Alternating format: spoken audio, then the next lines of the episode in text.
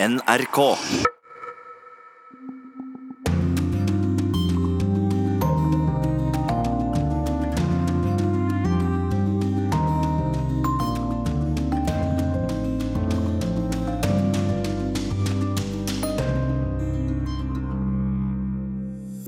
I Tyskland er fremdeles ingen ny regjering på plass. Predikanten Billy Graham ble gravlagd i går. Og vår korrespondent Morten Jentoft minner oss på at ja, det finnes økologisk jordbruk i Russland. Velkommen til Urix på lørdag med korrespondentbrevet. Først skal vi til krigen i Syria, og vi skal møte noen flyktninger i Libanon.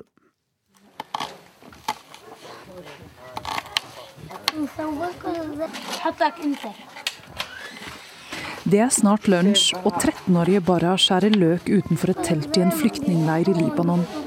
Det har regnet hele natten, teltene er blitt våte, bakken gjørmete, men Barra klager ikke. Hun vet at det hun gjør er en luksus slektningene hennes ikke har for tiden. Et måltid i fred. Barra er fra Øst-Ghouta, og forrige helg ble fetteren hennes drept der inne. Han skulle bare ut og hente mat. كان هو قاعد بأبو كرمال ما الطيارة تضرب طالع عم يندهوا على الأكل ع- إنه صار تعالوا كلوا إجا طبخوا وصار وقت الأكل رفقاته قالوا له اطلع أنت Han var i en kjeller der han gjemte seg for bombeflyene. De andre ba ham om å hente mat. Noen andre ville ikke gjøre det pga. bombene, men han var veldig sjenerøs. Da han gikk ut, ble han truffet av en missil, og en splinter traff ham i hjertet. Han er en martyr i himmelen nå, sier Bara.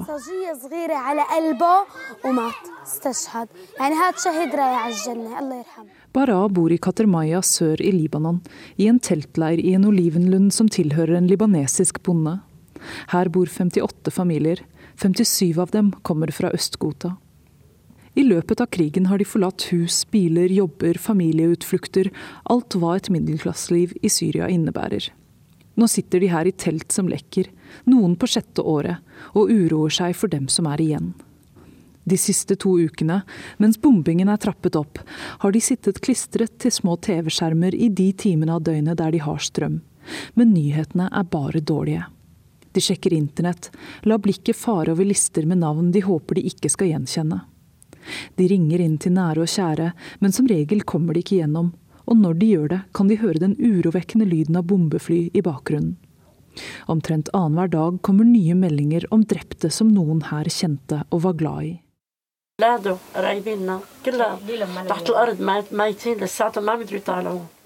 I et av teltene sitter en svartkledd kvinne og hennes svigerdatter. De vet ikke helt hvor mange de har mistet for tre dager siden, da en bygning i Østgota kollapset under vekten av en bombe og en hel familie ble utslettet. De snakker i munnen på hverandre når de forteller hva som skjedde, og tårene renner nedover den eldre kvinnens rynkete ansikt.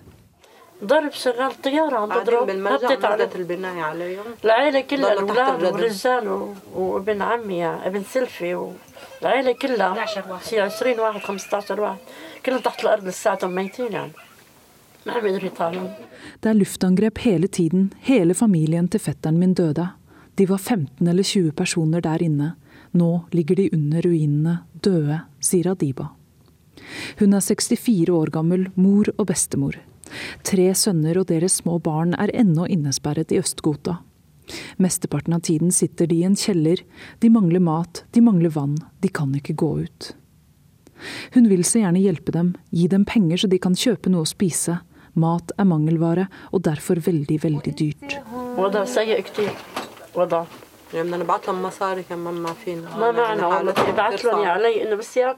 Øst-Ghouta er kanskje beleiret, men dette er Midtøsten. Ingenting her er absolutt, heller ikke beleiringer, og Adiba vet om en mann som kan smugle inn penger. Men hun har ingen penger å gi.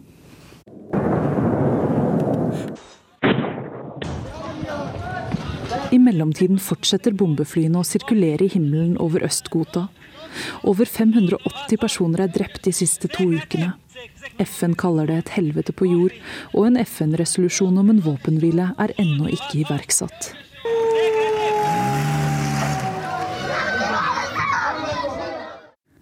I leiren i Libanon har få tro på at det blir bedre, eller på at bombingen skal opphøre. De fortsetter å vente på beskjeder de ikke ønsker å få.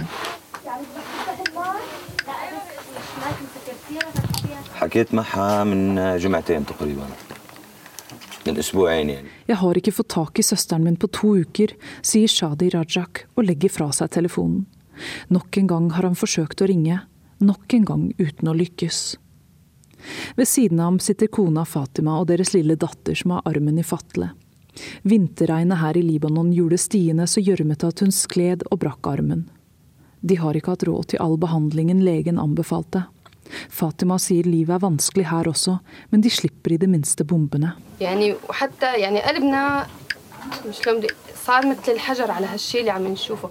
Hjertene våre blir til stein når vi hører nyhetene fra Gota, sier hun. Hvis verdenssamfunnet virkelig brydde seg om syrerne, ville de ha stanset disse massakrene. Og det var Kristin Solberg som rapporterte fra Libanon. Nå skal vi til USA. Everywhere he went, Reverend Graham delivered the same beautiful message God loves you. That was his message. God loves you. Ja, president Donald Trump og visepresident Mike Pence var til stades under gravferda til predikanten Billy Graham. Og Graham var en ruvende figur i USA. Han ble 99 år gammel. Jeg har med meg eh, kollega Joar Hoel Larsen. For jeg forstår det har vært mye fram og tilbake om hvem det var som skulle delta i denne gravferda. Ja, fordi at eh, som du sier, han ville blitt 100 år i år, og han har vært eh, Amerikas pastor, som de kalte ham i omtrent halvparten av den tiden. Da da han debuterte som predikant, så var Franklin Roosevelt president i USA. Det sier litt om hvilket tidsspenn vi snakker om her. Han var åndelig rådgiver for tolv presidenter. Slik at eh, han talte til titusener som han samlet da rundt omkring på store stadion, og han, han eh, nådde milliarder av mennesker. Så det er klart at det, når man da skal ha 2000 til stede i en begravelse, så er det vanskelig å begynne å plukke ut. Eh, de løste på mange måter dette på den måten at han har jo da ligget på, på paradeseng hjemme i Charlotte i, i North Carolina i, eh, i, noen dager. Der var både president George W. Bush og Bill Clinton og viste sin siste ære, for de hadde et nært samarbeid med den mannen den gang de var president. Eh, og så fikk han altså, han ble vist den ære at han lå på den type lydeparad i Kongressen som den første religiøse leder noen gang, som den første sivile siden Rosa Parks i 2005. Eh, der var da kongressrepresentanter og annen øvrighet til stede, slik at mange har deltatt, men altså de færreste i går kun da Mike Pence og Donald Trump. Vi, vi kan jo høre litt på han eh, da han besøkte Oslo i 1990, 1955. I ask you to give your life to him. Jeg vil be deg om å gi ditt liv til ham. I want you to come silently. Jeg ønsker at du kan, skal komme stille. I want you to come reverently. Jeg ønsker at du skal komme i ærbødighet. I want you to come if you mean it with all your heart. Jeg vil at du skal komme dersom du mener det hele ditt hjerte. Hva var det med Billy Graham som gjorde at han fikk så stor eh, innflytelse på folk? For det første var det jo timingen. Eh, etter annen verdenskrig, eh, de var på søken. Fjernsynet kom. Han var en moderne mann som visste å utnytte ny teknologi. Han kom inn i stuene til folk. Han, han var karismatisk. Han, eh, han, hadde utstråling. Han han var en flott mann, høyreist og stilig, slik eh, amerikanere ville at uh, menn skulle være den gangen. Han hadde enorme talegaver, og så hadde han et, et nokså forenklet budskap, slik mange fundamentalistiske, karismatiske predikanter hadde, som gikk rett hjem. Han, han sa det på en slik måte at det, det behøver ikke være så vanskelig. Så lenge man fokuserte på Jesus og Bibelen og budskapet, så var mye gjort. Og så fikk han da innflytelse politisk indirekte gjennom akkurat dette at dette passet inn i den kalde krigen. Det var et budskap som, som sto sammen med antikommunisme og, og som Det gode mot det onde. Det gode mot det onde, og han var en god amerikaner, en god antikommunist, slik de så det den gang at man skulle være. Han var folkelig.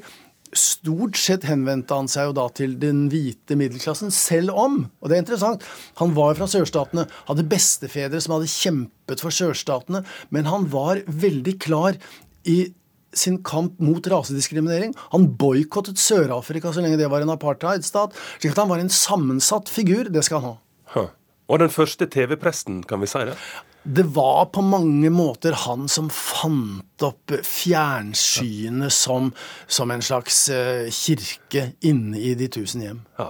Og nå er han død. 99 år gammel. Nå er han 99, Men han sa, bare for å si det helt til slutt Dere må ikke tro på det når dere hører at jeg er død, sa han. For uh, det er ikke det at uh, jeg er død. Jeg er mer levende enn noen gang. Jeg har bare fått ny adresse.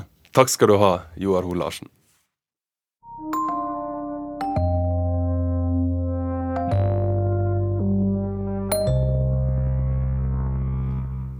I Brasil har styremaktene nå satt inn hæren for å få bukt med de kriminelle gjengene. De fleste støtter tiltaket, men mange er også litt uroa, for dette minner om militærdiktaturet som varte fra 1964 til 1985. Anstenfasen i Rio har laga denne reportasjen.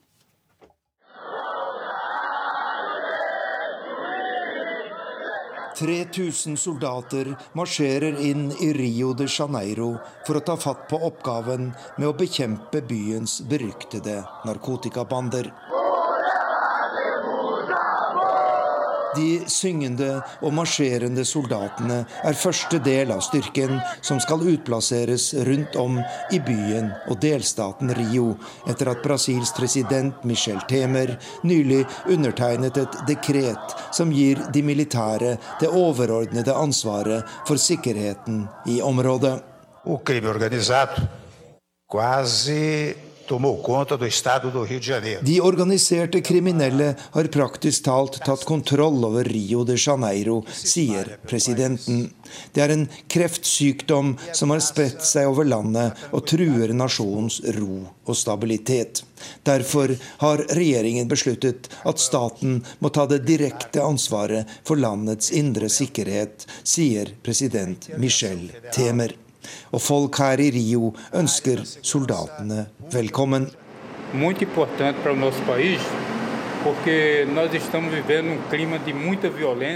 Dette er svært viktig for landet vårt, sier Enrique Adailson, som er resepsjonsvakt i et forretningsbygg i sentrum av Rio. Vi står overfor svært voldelige kriminelle som hver dag setter oss i livsfare. Derfor er jeg glad for at regjeringen nå setter inn de militære, sier han. Og en fersk undersøkelse viser at hele 83% av Rios innbyggere er av samme mening.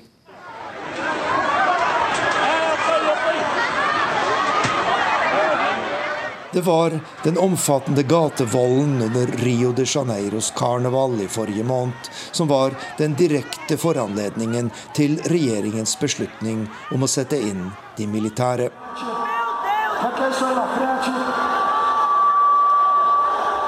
Vettskremte Rio-borgere og tilreisende opplevde at karnevalsfesten ble ødelagt av vold, og tusener ble utsatt for ran og tyverier. Dette bekreftet en utvikling som har pågått i flere år. En kraftig økning i kriminaliteten her i Rio. De siste to årene har tallet på drap økt med 25% Men mange eksperter tviler på at militærmakt kan løse problemet. Os militares não foram treinados para policiamento em cidades. De militære er ikke trent for å løse politioppgaver i byene, sier den kjente kommentatoren Alex Solnik. De er ikke utstyrt for dette, og de kjenner ikke forholdene i de fattige bydelene der de narkokriminelle holder til. Det soldater kan gjøre, er å ta oppstilling på ulike steder og vise frem sine våpen. Det vil sikkert gi en viss følelse av sikkerhet, men heller ikke mer, sier kommentatoren.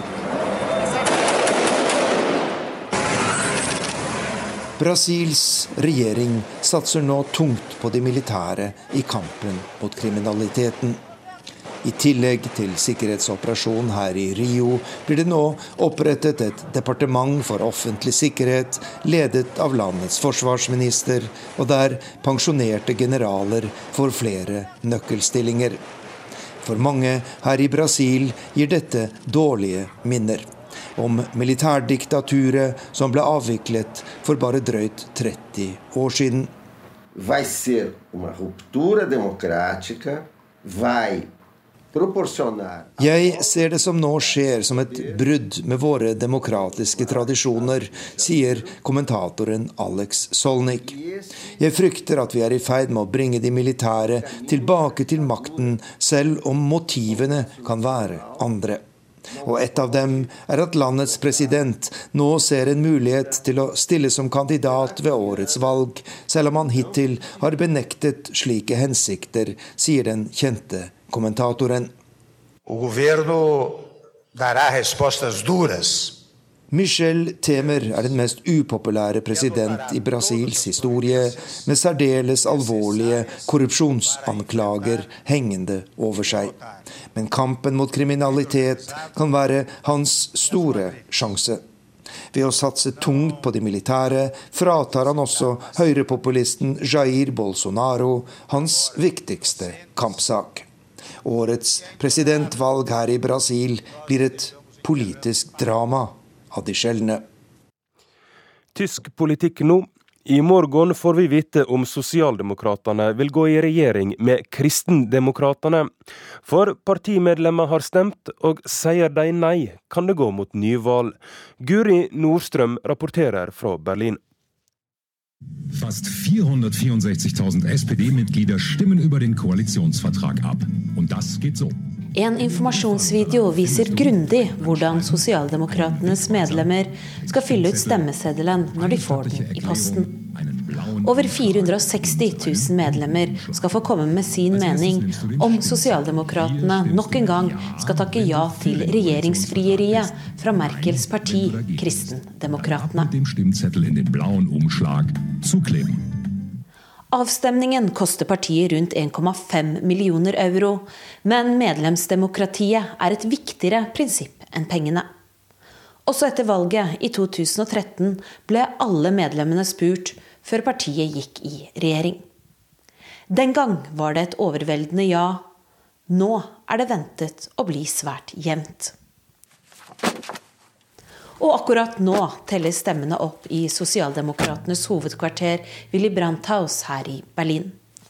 I morgen tidlig får vi vite resultatet. Ich darf sagen, ich bin da doch optimistisch. Jeg er optimistisk, sier hun, som trolig blir partiets neste leder under landsmøtet i april, Andrea Nales. Hun håper på et ja til regjeringssamarbeid, og forteller at hun har snakket med mange skeptikere som tross alt er fornøyde med hva partiledelsen har oppnådd i forhandlingene med Kristendemokratene. Blant dem er imidlertid ikke ungdomspartiets leder Kevin Kühnert. Det politiske stjerneskuddet har tatt toget Tyskland rundt for å få medlemmene til å stemme nei. Til NRK oppsummerer han det slik. Wir lehnen eine erneute große Koalition ab. Da ist aus Sicht der Jusos nicht ausreichend sozialdemokratische Politikk enthalten. Vi mener at avtalen ikke inneholder norsk sosialdemokratisk politikk. Mange av våre kjernesaker er ikke med, som toppskatt og borgerforsikring. Hans budskap er at partiet må fornye seg, etter at de i september gjorde sitt dårligste valg i etterkrigstida. Men ifølge ham kan ikke partiet gjøre det hvis de nok en gang skal takke ja til å sitte i skyggen av Merkel de neste fire årene. Får Kühnert det som han vil, vil det enten gå mot en mindretallsregjering eller mot et nyvalg. Det siste er det mest sannsynlige, siden mindretallsregjeringer blir sett på som lite styringsdyktige. Et nyvalg derimot ser heller ikke ut til å være en god løsning. I hvert fall ikke for sosialdemokratene, som etter meningsmålingene ser ut til å tape stort på det. Et nyvalg er heller ikke arrangert i en fei. Her snakkes det om at dersom det skjer, vil det sannsynligvis bli holdt samtidig som delstatsvalget i Bayern 14.10.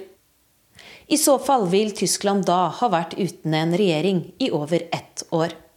Nå har det allerede gått over fem måneder siden valget, og landet har aldri tidligere vært så lenge uten en regjering.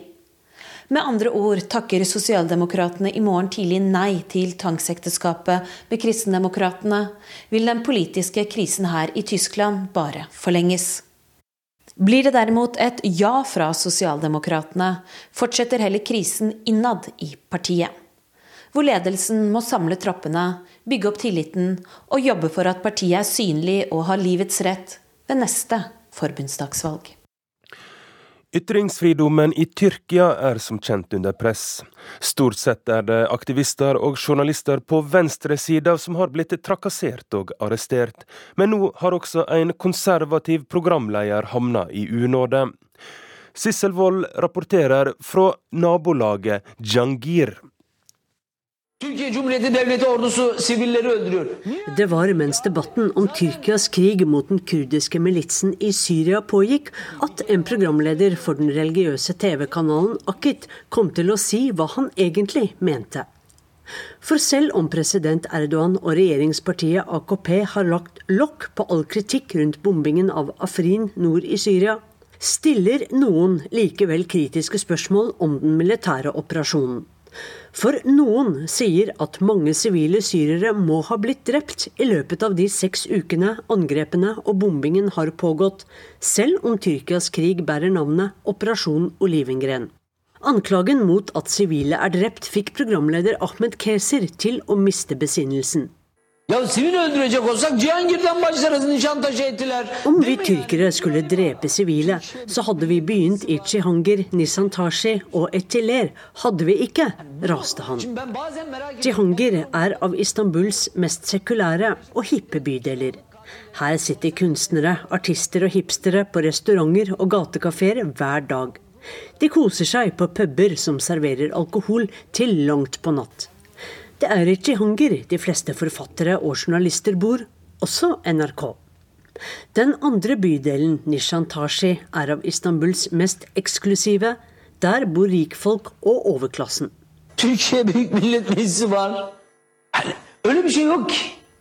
Den islamistiske programlederen mente det kunne være greit å kvitte seg med sine ikke-så-religiøse landsmenn, altså ta livet av dem. For det finnes mange forrædere, også i det tyrkiske parlamentet, la Ahmed Keser til før han var ferdig, i dobbelt forstand. Er virkelig hatet mellom religiøse og sekulære tyrkere så sterkt? Det kokte på sosiale medier. Tyrkerne raste på Twitter. Og det tok ikke lang tid før det konservative regjeringspartiet AKP satte programlederen på plass.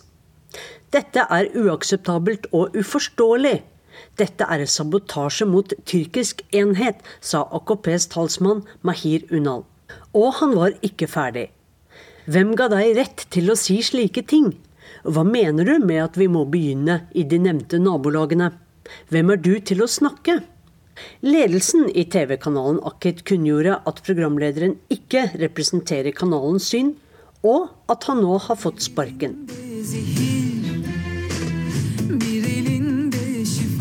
Men ikke bare programlederen i Akit ble sensurert denne uken.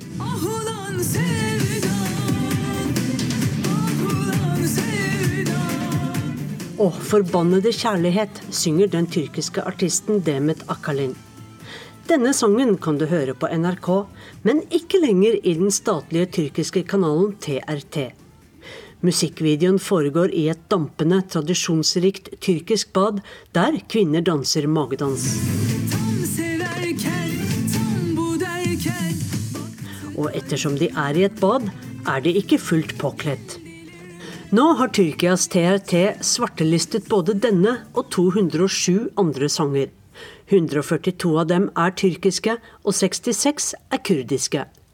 Grunnen er, ifølge TRT, at tekstene kan tolkes som oppfordring om å røyke eller drikke alkohol. Andre sanger, som tar opp temaer fra kurdernes og armenernes ulykkelige historie, er blitt for politiske for statskanalen. Visestatsminister Bekir Bosdag benekter at svartelistingen dreier seg om sensur. Nei, dette er tiltak som skal sørge for at folk slipper å høre sanger som fremmer umoral, eller som formidler det myndighetene kaller terrorpropaganda. Bostag, som også er AKPs talsmann, sier at statskanalen TRT gjør jobben sin ved å forby slike sanger. Andre kanaler bør følge etter, er budskapet fra regjeringen. Tyrkias sekulære elite, som de fleste artister og kunstnere tilhører, har lenge kritisert det islamske regjeringspartiet AKP for å tvinge en mer og mer konservativ livsstil på alle tyrkere, og også på folk i nabolagene Jihangir og Nisantasje. Men hvordan gikk det med programleder Ahmed Keser? En domstol i Istanbul har siktet ham for å oppfordre til hat, fiendskap og provokasjoner i det offentlige rom for å foreslå å drepe AKPs argeste kritikere og politiske fiender. De frie sjelene som sitter på barene i Chihanger, det var for drøyt.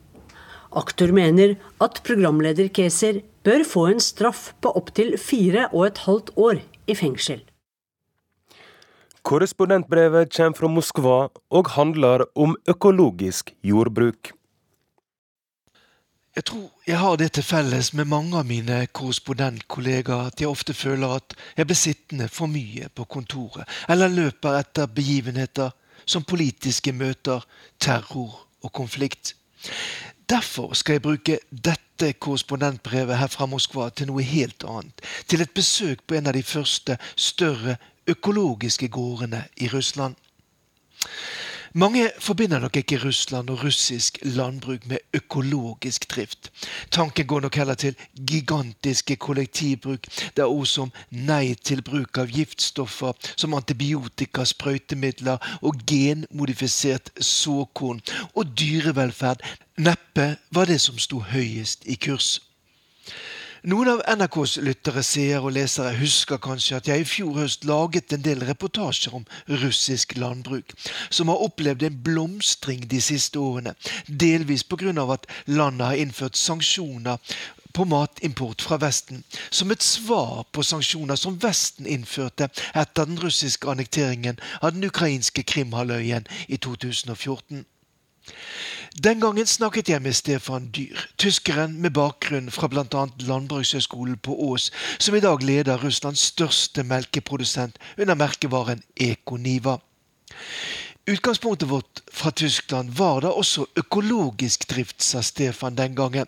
Men her i Russland har ikke tiden vært helt moden for å satse på dette, sa han.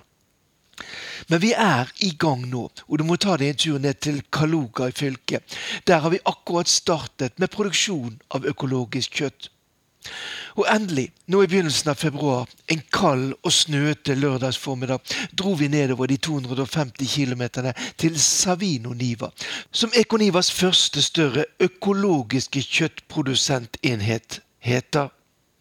Russland er et stort land, og det er ikke alltid like lett å finne fram når du beveger deg vekk fra hovedveiene, selv med moderne GPS-teknologi. Og den lille landsbyen Savino er virkelig utenfor allfarvei. Den ligger midt i det bølgende vestrussiske landskapet, som altfor ofte også har vært krigsskueplass, både den gangen da Napoleon i 1812 forsøkte å knekke russernes forsvarsvilje, og da Hitler og tyskerne gjorde det samme i 1941. De mange minnesmerkene fra den store fedrelandskrigen står overalt her, men denne lørdagen er det så fredelig det kan få blitt, til tross for det litt sure været. Via Stefan har vi fått oppgitt Anatolij Nakarjakov som vår kontaktperson, og etter litt fram og tilbake finner vi fram til kontoret der lederen for Savino Niva holder til, i det som en gang var administrasjonsbygningen til kollektivbruket Oktober. Ekoniva og Stefan Dyr overtok her i 2010, forteller Anatoli, som ser på seg selv som en veteran blant dem som har forsøkt å få i gang økologisk matproduksjon i Russland. Som så mange andre har han hentet inspirasjon fra utlandet, og studerte og hadde praksis i Tyskland på midten av 1990-tallet. Ekoniva har satset mye her i Kaluga fylke, og det var nok et ønske fra de lokale myndighetene at Stefan Dyr også skulle gjøre noe i Savino, sier Anatoli. Resultatet ble at Ekoniva overtok det nedslitte og i praksis døende gamle kollektivbruket, som allerede hadde vært gjennom en slags privatisering. Men derfra har det vært en lang vei å gå fram mot produksjon i tråd med økologiske prinsipper, sier Anatolij Nakarjakov, mens vi kjører på den humpede veien fra administrasjonsbygget bortover mot området der dyrene holder til. I dag disponerer Savino Niva rundt 3450 hektar med jord, som i all hovedsak nå produserer mat til de rundt 1500 storfeene som utgjør gårdsbruket. Vi har bygd opp driften litt etter litt, sier Anatoli. Ikke så lite stolt der han tar oss med inn i den noe slitte bygningen som en gang var en del av kollektivbruket Oktober. Prinsippet nå er at bygningsmassen stort sett skal bare brukes som skjul for dyrene. I hovedsak er de ute hele tiden, og veggene er derfor mange steder fjernet. I 2015 ble bruket sertifisert som økologisk etter samme prinsipper som i Tyskland. Men det er trolig først om to til tre år vi klarer å gå i balanse økonomisk, forteller Anatolij Nakarjakov. For meg som har bodd snart åtte år her i den russiske hovedstaden, har det vært interessant å se at det har dukket opp stadig flere butikker som sier de satser på økologisk mat rett fra produsentene. Kritikere vil nok hevde at det neppe neppe er alle varene som selges der, som garantert er produsert etter økologiske prinsipper, altså uten giftstoffer i produksjonen. Men trenden er klar. Det er mange russere, på samme måte som nordmenn, som er villige til å bruke mer penger hvis de vet at maten de spiser er ren og ikke produsert med hjelp av tvilsomme metoder og utstrakt bruk av giftstoffer, som vi ikke aner hva slags konsekvenser vil få i det lange løp. Problemet vårt er at vi ikke har et skikkelig distribusjonsapparat for økologisk mat, selv til det enorme markedet i Moskva-regionen med mer enn 15 millioner innbyggere, sier Anatoly, mens vi kjører videre utover på de enorme jordene som er en del av gårdsbruket han leder. Det neste for oss er å få i gang et eget slakteri der vi kan produsere både pølser og kjøtt, som igjen kan selges merket som økologisk, og kanskje distribueres via de store kjedene. Econiva har importert den velkjente Aberdeen Angus-rasen også til Savino. Og selv i vind og snø ser det ut til at dyrene trives ute på jordene, der de står rundt haugene med fôr som kjøres ut med jevne mellomrom. På gårdsbruket er det også rundt ti hester som brukes i driften for å samle dyrene og for å kontrollere at alt går riktig for seg. I dag er det mellom 30 og 35 personer som jobber på Savino Niva. Satsingen på økologisk drift har skapt nytt håp i den lille landsbyen, som etter Sovjetunionens oppløsning rundt 1990 var i ferd med å dø helt ut. Under sovjettiden bodde det mellom 400 og 500 mennesker her. Nå er det 150 igjen. Og selv om mange nok er skeptisk til den måten å drive gårdsbruk på, så er de nok også glad for at det skjer noe i denne russiske utkanten. I 2016 eksporterte Savino Niva korn til Tyskland, sertifisert som økologisk etter tyske standarder. For bedriften Econiva. et eksempel på at de nå er på riktig vei. Bildet er ikke rosenrødt, sier Anatolij Nakarjakov når vi setter oss ned for å drikke en kopp te etter omvisningen på gårdsbruket han er satt til å lede.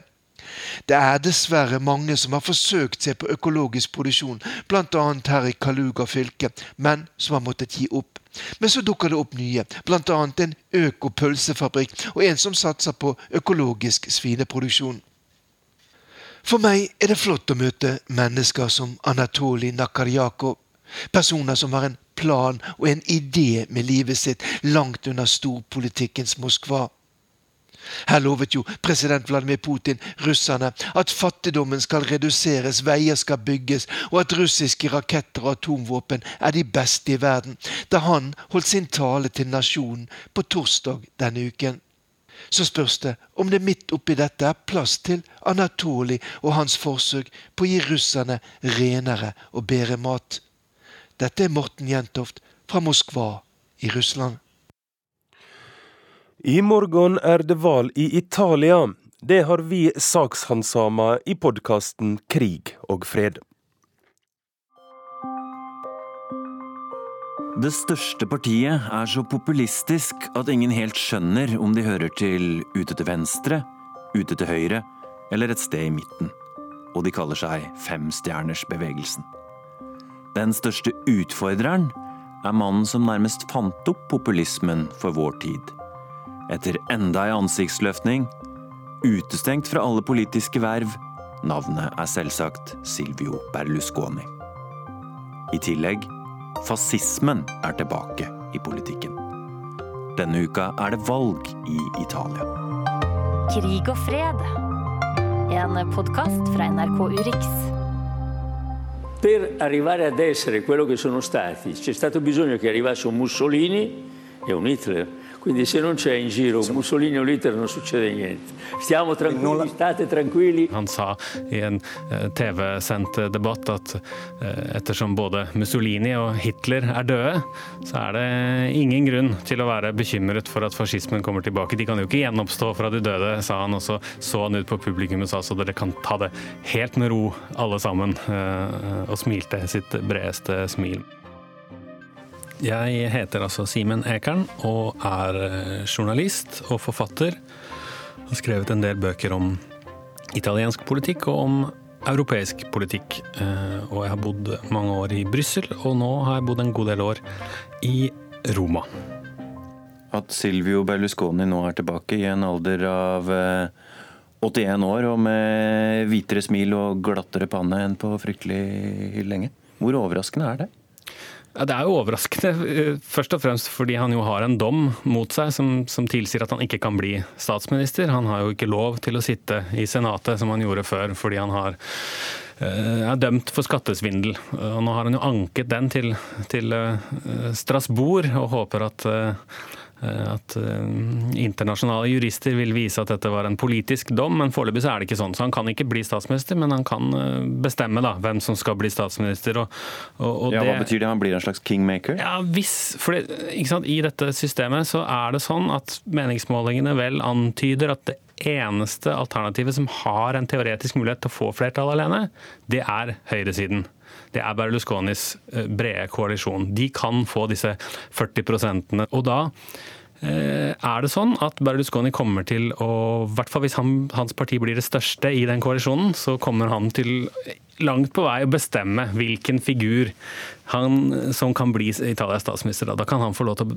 bestemme hvem, hvem han skal peke på. Eh, og Uansett så kommer han til å være en sånn spiller i disse diskusjonene som kommer til å komme etter, etter valget.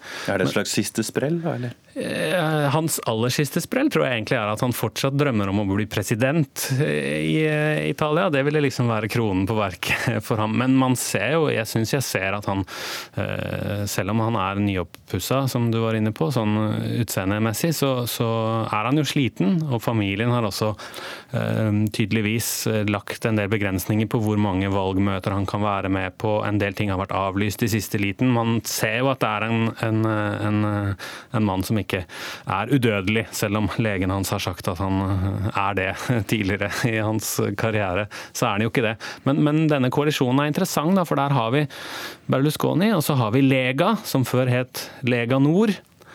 Matteo Salvini, som har laget partiet om til å bli et slags eh, Marine Le Pen-inspirert eh, parti. Veldig... Var et separatistparti nærmest for Nord-Italia, og går nå for å bli et mer eh, allitaliensk nasjonalistparti i stedet? Ja, det var liksom oppskriften han fulgte. Han tenkte vi kan bare nå så langt med å være et parti bare for nord.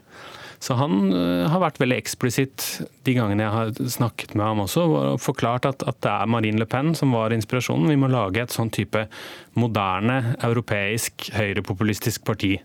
Eh, som, som, kan henvende seg til hele Italia. Og han har drevet sånne valgkampanjer da, for første gang i Sør-Italia. Med vekslende hell, riktignok, for mange husker jo at dette er mannen som tidligere har sagt at alle søritalienere er, er eh, late idioter som ikke får til noe som helst. Eh, og så er det et parti på et vis enda lenger til høyre, som, som er disse Italias brødre, Fratelli d'Italia, eh, som er med i denne koalisjonen. Og de kan altså teoretisk sett da ende opp med å, å, å, få flertall. Og, og, jeg tror vel i så fall at det vil bli en av de aller mest eh, liksom, ytre høyre koalisjonene landet har hatt eh, siden krigen omtrent. Prima gli italiani. Questa è la rivoluzione del buon senso. Domenica 4 marzo usa il buon senso. Vota Lega. Det store spørsmålet når det gjelder sentrum-høyre-koalisjonen, er om Lega-partiet blir større enn Berlusconis parti, og blir i stand til å påvirke Berlusconi i større grad enn en før. Altså Lega Nord har alltid vært betydelig mindre. Har alltid hatt betydelig mindre oppslutning enn Forza Italia. Men nå kan, kan dette snu seg, faktisk. Elisabetta Casina-Wolf, førsteamanuensis ved lektor plikt fra Universitetet i Oslo. Opprinnelig italiensk? Opprinnelig italiensk fra Torino. Men nesten norsk. Men nesten norsk. Det tredje, tredje aktøret er Italias brødre. og Det er et postfascistisk parti. Altså de kommer, de har klare direkte forbindelse eller røtter i italiensk neofascisme. Du har forsket på fascisme i italiensk politikk. Vil du si at fascismen rett og slett er tilbake nå? Ja, det kan jeg påstå. I og med at det finnes nå fascistiske partier. Altså nye, nye partier som har ingen problemer av å erklære seg fascistiske.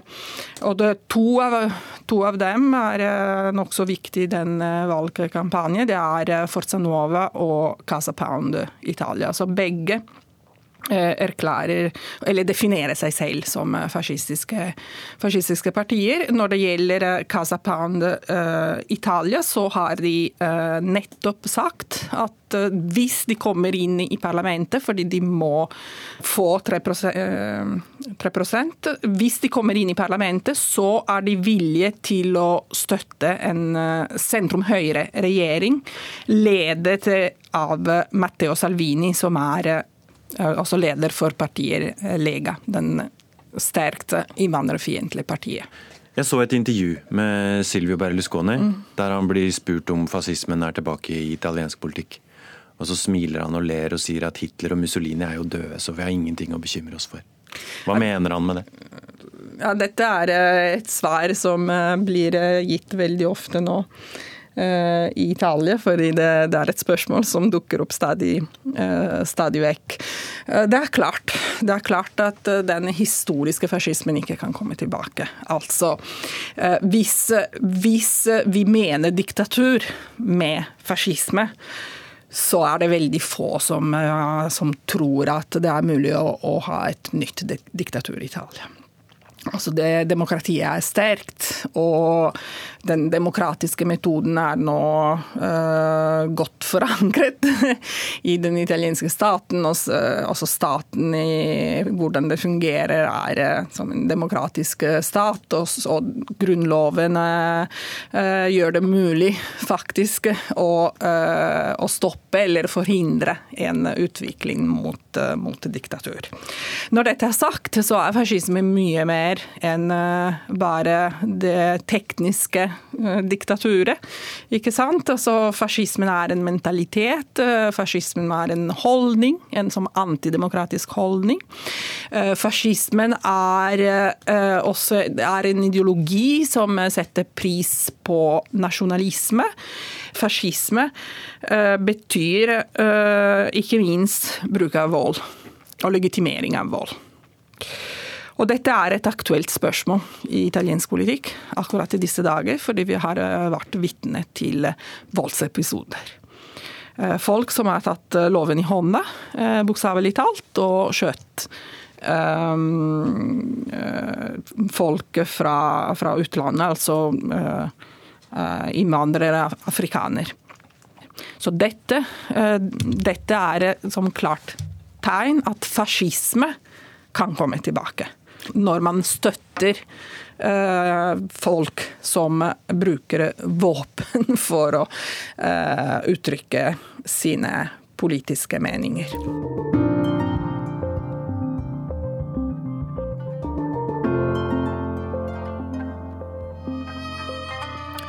Italia har hatt noe sånn som 65 ulike regjeringer etter andre verdenskrig.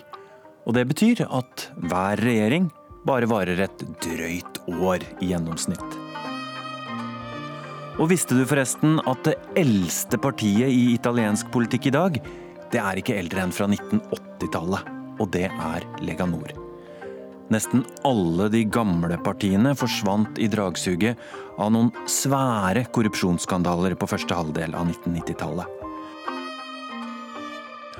Og det partiet som ligger an til å bli størst ved dette valget, de stilte til valg for første gang for bare fire år siden. Da qui adesso iniziano gli ultimi giorni, le ultime settimane di campagna elettorale e il 4 marzo vogliamo andare al governo del paese, andremo al governo del paese. Grazie.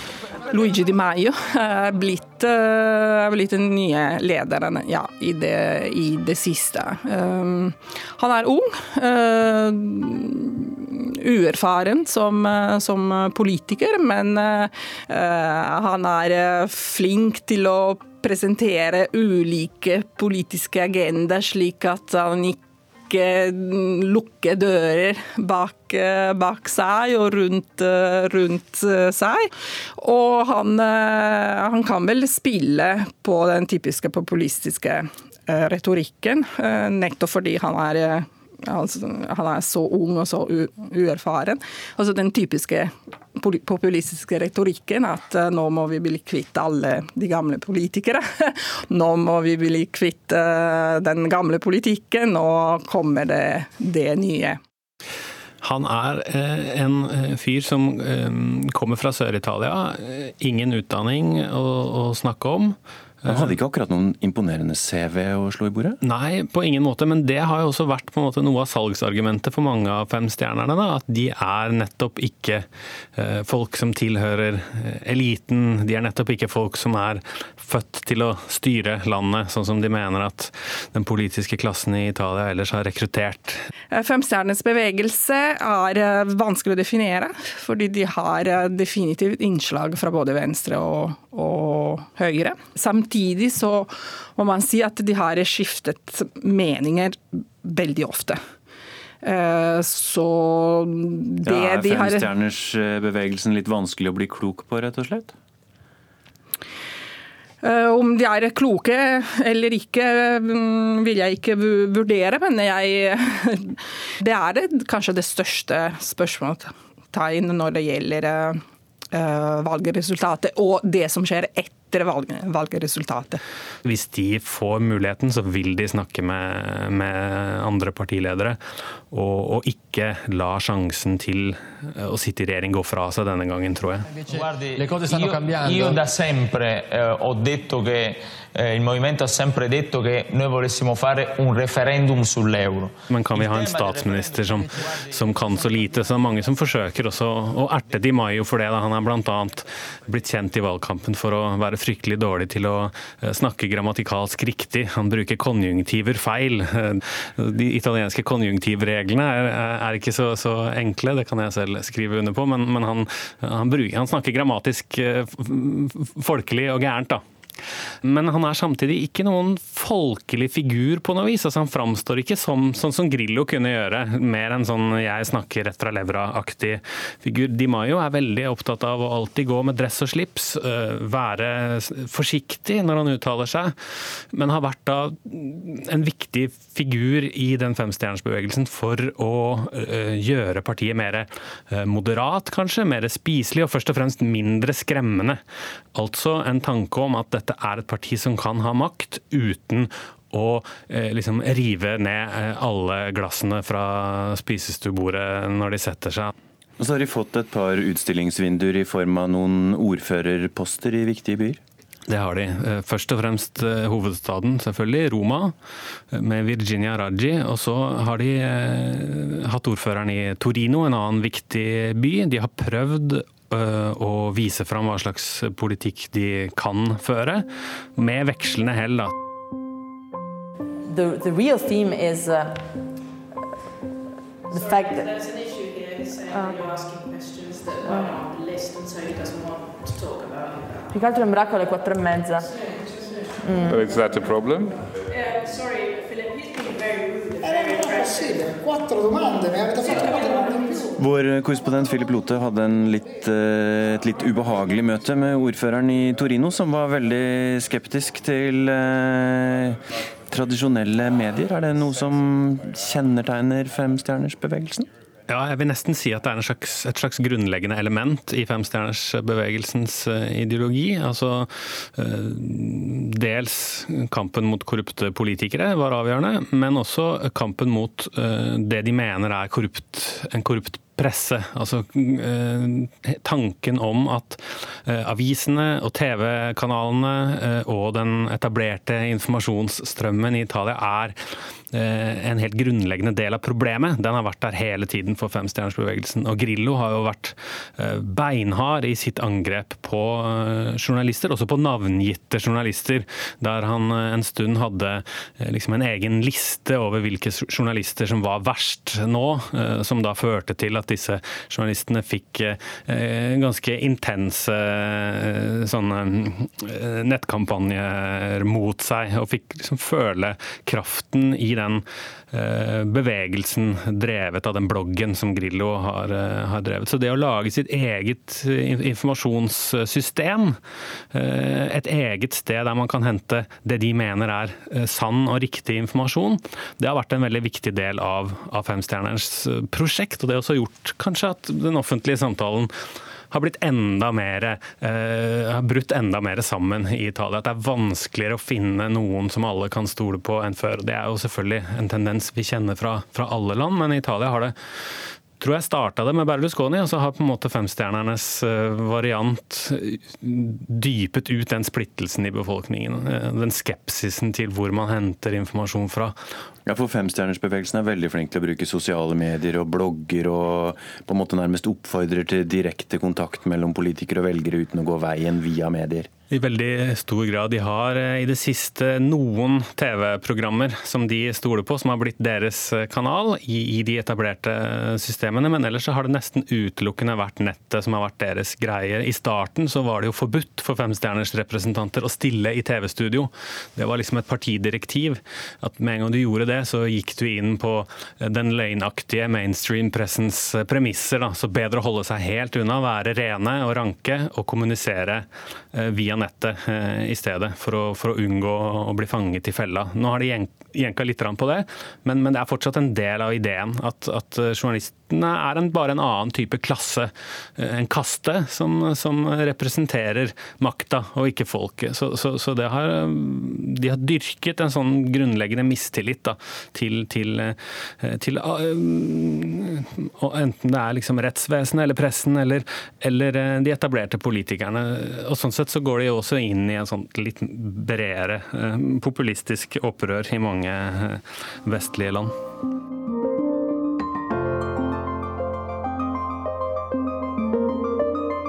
Succederà che il presidente Berlusconi tornerà alla grande, trionferà. Men hva så med Silvio Berlusconi? For det var jo han som var selve den italienske urpopulisten. Hva blir hans rolle nå? Frontfigur.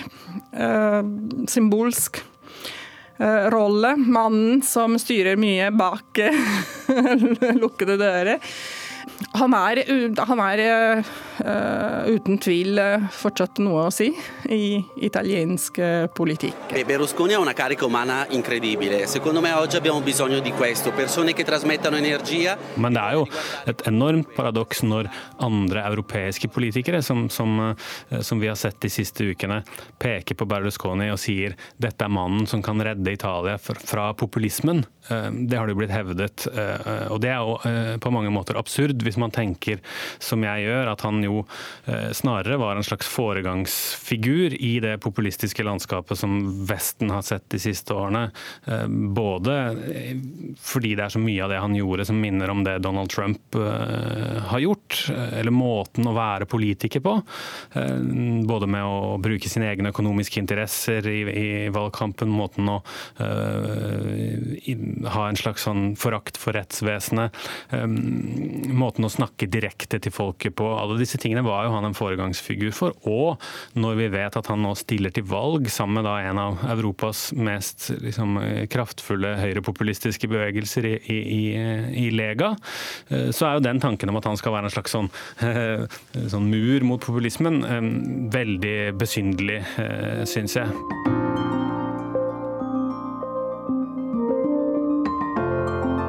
Du har hørt podkasten Krig og fred med Tore Moland. Så får vi se om det harde vinterværet i Europa har påvirkning på valgdeltakinga i Italia. Valget er i morgen. og ja, Berlusconi kan få et hårfint flertall hvis alt går hans vei, men det er mange usikkerhetsmoment, som vi hørte. Urix på lørdag er slutt. Teknisk ansvarlig var Lisbeth Sellereite, produsent Hans Christian Eide, og i studio Roger Severin Bruland.